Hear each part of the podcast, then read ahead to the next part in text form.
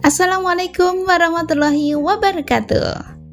Apa kabar sahabat Ita bercerita? Semoga uh, hari ini semakin bertambah semangat daripada hari kemarin ya. Dan semoga hari ini kita bisa melaluinya lebih baik lagi daripada hari kemarin. Pada pagi yang cerah ceria ya di tempat saya sangat cerah, masya Allah, alhamdulillah. Saya akan membagikan uh, sebuah tips ya Tips yang sederhana sekali tapi dia penting bagi seorang muslimah. Apakah tipsnya? Simak ya.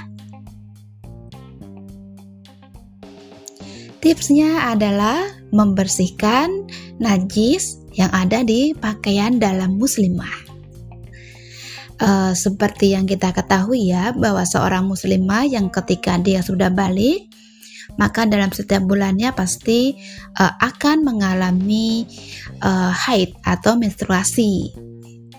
Nah, terkadang walaupun kita sudah berhati-hati, kita sudah uh, menjaganya sebaik mungkin, nah terkadang itu masih ada noda yang menempel di pakaian dalam kita. Nah, bagaimana supaya membersihkan noda tersebut sampai bersih tuntas? Ya karena nanti kalau tidak bersih tidak bisa loh kita pakai untuk sholat ya kan? Syarat pakaian yang kita pakai ketika sholat adalah bersih dari najis. Sementara itu uh, definisinya atau kategorinya bersih dari najis itu ya tidak ada warnanya tidak ada warna dari najis tersebut tidak ada bau dari najis tersebut dan tidak ada rasa dari najis tersebut. Nah, tapi ya balik lagi tadi ya, kadang-kadang itu ada noda-noda yang menempel di pakaian dalam kita. Ketika kita rendam dengan deterjen, ya terkadang itu masih ada warnanya yang kecoklatan yang dia tidak bisa bersih gitu ya, tidak bisa seperti semula gitu. Nah, tips sederhananya adalah ceng ceng. tidak perlu khawatir, tidak perlu risau, apalagi langsung membuangnya ya, jangan ya, karena masih bisa digunakan lagi.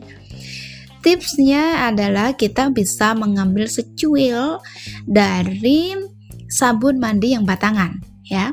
Bukan sabun mandi yang cair ya, tapi sabun mandi yang batangan. Terserah merek apa saja ya. Dan bukan juga sabun colek karena dia kurang kuat ya untuk daya bersihnya.